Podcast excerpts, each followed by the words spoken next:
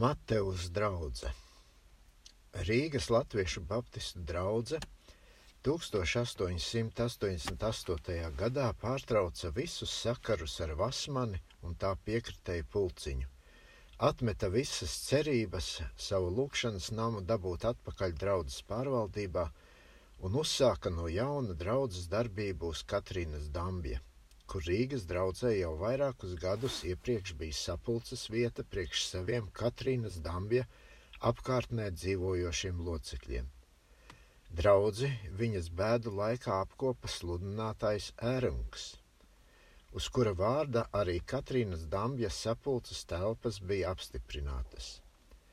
Draudzes iekšēji apstākļi nebija iepriecinoši, gan draudzes vidū valdīja vienprātība, bet gadiem ilgi ciestās jukas un pazaudētais draudzes nams, tad vēl 3000 rubļu lielais parāds uz zaudētā nama, kas bija reiz uzņemts draudzes grāmatās un kuru draudze turēja par savu svētu pienākumu nolīdzināt arī tagad vēl, kad nams jau bija zaudēts, radīja locekļu vidū nospiestu garu.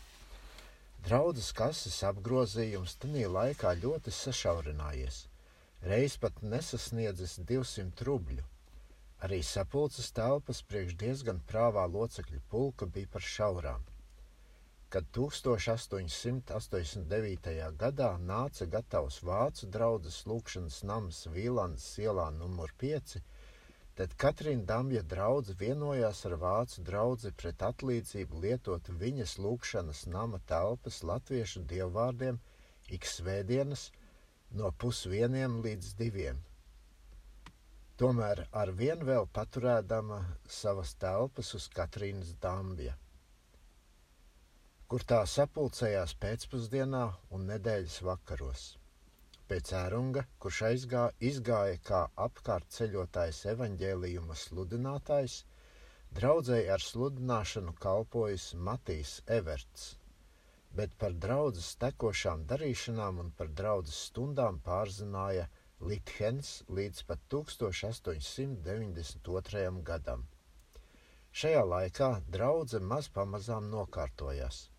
Tiek nodibināti brālīgi sakari ar kaimiņu draugu Āgenskalnā, pie kam pēdējās priekšniecība apsolījās, ka ik katru no Vasmaņa bijušiem piekritējiem, kas pie Āgenskalna draudzes pieteiktos, uzņemt tikai pēc zināmā locekļa izlīdzināšanās ar Ciānas draugu, kuru nosaukumu tā tagad bija dabūjusi.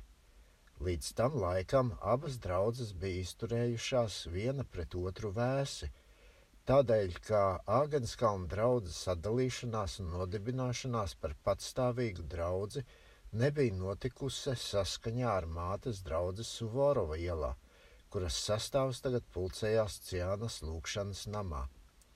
Pie draudzes laiku pa laikam pieteicās locekļi, kas bija klīduši līdz ar vasmani un nožēloja savu maldīšanos.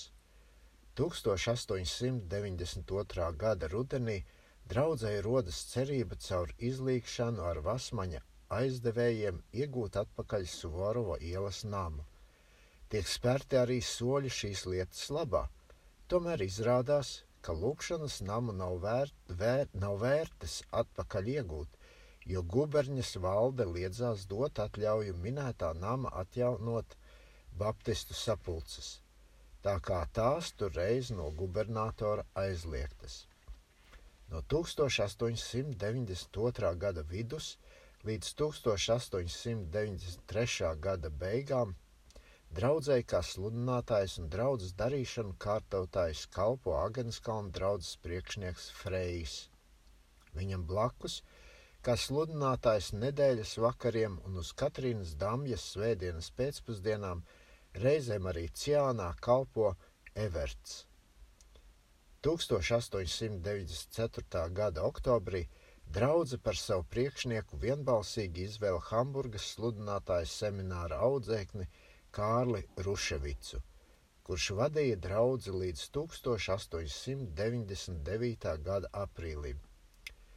Ruševica laikā draudzene dabūja pārcies diezgan sīvas cīņas pret tā sauktiem pilnības brāļiem, jeb auziņa mācības piekritējiem. Minētā pilnības mācība cēlusies 80. gadu beigās kurzemē Piltenes apkārtnē no kāda apkārtceļotāja sludinātāja auziņa. Šīs mācības galvenais saturs bija, ka atzimis cilvēks esot pilnīgs savā likumiskā dzīvē un vairs nevarot grēkot. Viņam tikai jāļaujoties vadīties no tā gara. Visa ārīgā draudzes iekārta, vakariņš, kristība, draudzes amati esot lieka un tāpēc atmetama. Šī maldu mācībai krita par upuri viens un otrs vientīsīgs loceklis, kas bija no draudzes jāatlaiž. Tomēr locekļu skaits nemazinājies, un vajadzība pēc īpašām telpām tapusi ar katru gadu jūtamāka. Lai gan draudzes kases grāmata vēl ar vienu uzrādījusi vairākas simts rubļu lielu parādu, kas vēl nebija spēts nolīdzināt, tomēr draudzes priekšgala vīriem bijusi ar vienu gaiša izredze nākotnē.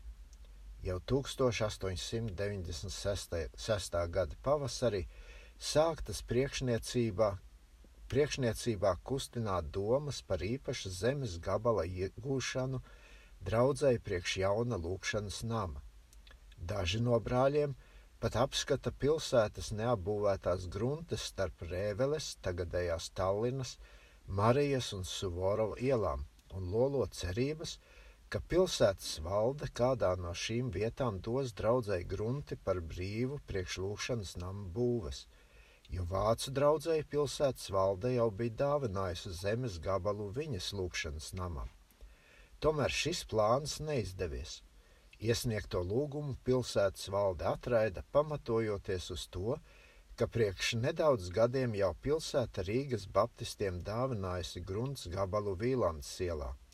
Lūdzēji gan aprāda, ka dāvinātais grunts gabals esot jau Rīgas vācu draudzes lietošanā, tomēr tas netopi ievērots. Kad priekšniecība draudzēji ziņojusi par pirmiem soļiem, kas spērta, lai draudzē iegūtu atkal īpašu vietiņu, kur tā varētu par savu saukt, draudzē to klusu ciešot uzklausījusies, un tikai pēc ilgāka brītiņa kāds brālis ieminējies, ka nākamais draudzes nams tā jānodrošinot, ka to draudzēji vairs nevarot atņemt. Rūktie piedzīvojumi ar draudzes zaudēto namu locekļiem vēl vienmēr liekas stāvējuši atmiņā. Tomēr draudzene vienbalsīgi dod savai priekšniecībai atļauju spērt arī šajā lietā tālākus soļus. Nākošā gada februārī draudzes priekšniecības locekļi Kļaviņš un Rolmans pavēst draudzei, ka tie meklējot pēc derīgas vietas draudzes namam. Uzgājuši pēc savām domām derīgu vietu Mateus, tagad Matīsa, ielā numur 50 piedarošu kāda, kādam virsa kungam, uz kuru tie jau saziņā ar priekšniecību iemaksājuši tūkstošu rubļu rokas naudas.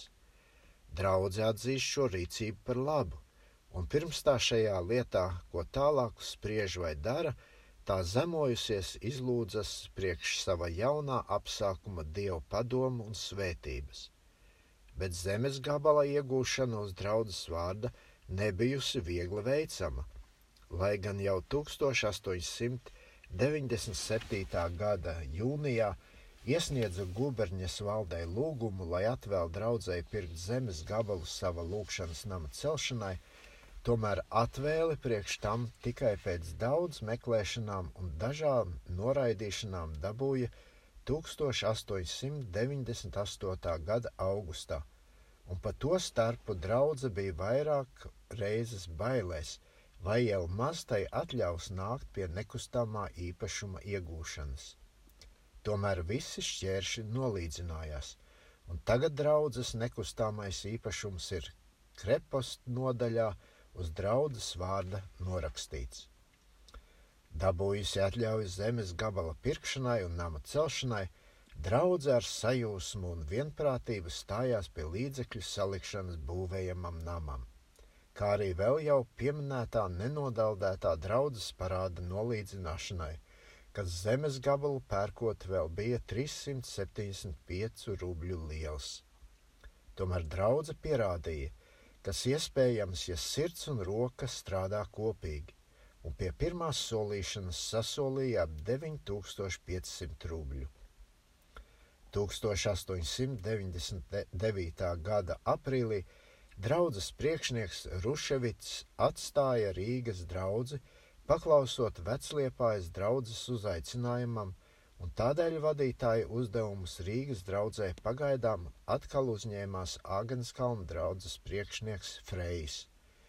Tā paša gada 10. oktobrī draudze ievēla par savu sludinātāju līdzšinējo sabiedrības evaņģēlistu un Dinamindas draudzes priekšnieku Jāni Inķi, kurš pieņem draudzes izvēlējumu tikai tad, ja draudzes vadība arī joprojām paliek Freja ziņā. Līdz ar 1900. gada 1. janvāri Arī draudzes otrais sludinātājs Everts atstājās no savas kalpošanas otrā sapulces vietā uz Katrīnas dambja, un draudzes apkopšana pilnam pāriet jaunizvēlētā sludinātāja ziņā. Inķa vadībā Frejam draudzīgi piepalīdzot, draudzē ar sajūsmu un sirsnību ķeras pie sava lūkšanas nama būves.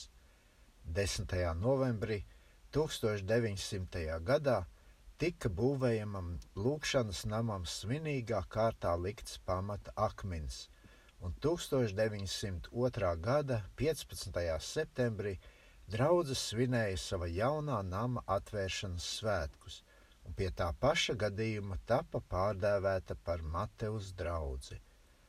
Mateus draudzes lūkšanas nams ir viens no mūsu glītākiem lūkšanas namiem Nama fasādē stingri ieturēts arhitekta Melbarta izvestais romāņu stils, kas namam piedod glītu un cienīgu izskatu.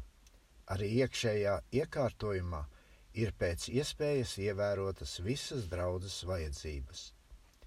Par draudzes nekustamā īpašuma aizstāvjiem būves laikā izvēlēti brāļi Lithens, Rolmans, Kļaviņš pie kam pēdējais arī pēc būves izvešanas pārzina visas nama vajadzības, kad draudzes priekšnieks no šādām rūpēm atsvabināts, var doties jo vairāk nodoties, var doties jo vairāk nodoties draudzes iekšējai kopšanai. Būve gan prasīja no draudzes daudz pielikšanās un uzupurē, uzupurēšanās, tā kā varēja sākt domāt, ka pēc tās pabeigšanas draudzē iestāsies atslābums darbībā, bet bijis gluži otrādi.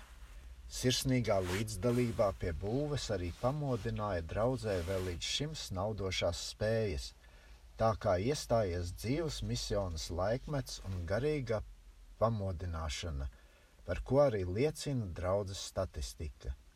Veselus sešus gadus no vietas, pirms lūkšanas nama būves, draudzes locekļu skaits stāv pilnīgi uz vietas ne par vienu dvēseli nepavairodamies. Tomēr sešos gados pēc ieiešanas jaunbūvētā namā tas pavairojas par 150 dvēselēm, pie kam pieceļot, pieceļotāju skaits abos laika sprīžos ir viens un tas pats. Draudzē pamodies misijas gars meklēja uz visām pusēm izējas. Jauniešu starpā attīstījās kristīgu rakstu izplatīšana pa namiem un ielām, Šis rakstu izplatīšanas darbs spieda arī apstaigāt Daugau malu un piegriezt vērību turienes bezpajumtu ļaudīm un raudzīt, ko nebūtu darīt priekš pēdējo pacelšanas. No šīs Daugaumalas misiones, pie kuras reizā strādāja arī locekļi iz Vācu draudzes, drīzā laikā izauga kupuls misionas koks, kurš tagad izplata savus zarus pa visu Rīgu. Rīgas ielu misioni. Gan nav šai misionai vairs nekāda organiska sakara ar draugu, tā darbojas kā misijas biedrība, kas pilnam stāv ārpus ticības šķiru robežām gluži par sevi, tomēr vēl dīglī būdama tā tapa lolota no Mateus draudzes. Bez tam vēl tajā pašā laikā dažādās pilsētas nomalēs tapa apsākts svētdienas skolas darbs. 1907. gadā draudzes skaitīja par Rīgas priekšpilsētām septiņas tādas zaru svētdienas skolas. Draudzes misijas intereses sniedzās nevien par Rīgu, bet arī pārvērs, pārvērsās pret vidzemi, pavērsās pret vidzemi, kur līdz tam laikam no mūsu draugu darbības vēl bija diezgan neaizskarta. No vidzemes brāļu draudzes vidus, kura jau agrākos laikos bija vidzemējas svētības nesusi, pamodās evaņģēlijas strādnieki, kas staigāja pa visu vidzemi, kaisīdami evaņģēlijas sēklu. Šis misijas darbs vidzemē jau no paša sākuma uz visciešāko saistījās pie Mateus draudzes – kura to pabalstīja gan līdzekļiem, gan padomiem, gan uz turieni laiku pa laikam sūtīdam vienu un otru no saviem strādniekiem. Tagad vidzemē vairākās vietās nodibinājušās draudzītes, kuras gandrīz vai visas lūkojas uz Mateus draugu kā uz savu mātes draugu.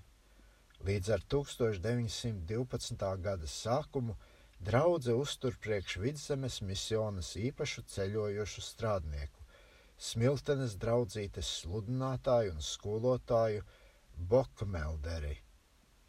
1907. gadā draudzene sākusi arī jo vairāk vērības piegriezt savas jaunās paudzes audzināšanai, un minētā gadā atvēra savas draudzes bērniem pirmācības skolu, kura tagad darbojās divi skolotāji - Rīs un Rūmnieks. Lūkodamās jau tālāk šajā audzināšanas laukā un ticēdama, ka šim audzināšanas darbam arī jāattīstas plašumā, draudzene 1908. gadā blakus sava lūkšanas nama gruntei vēl piepirka 350 kvadrātāsu lielu zemes gabalu ar nolūku pēc apstākļiem būvēt īpašu skolas namu.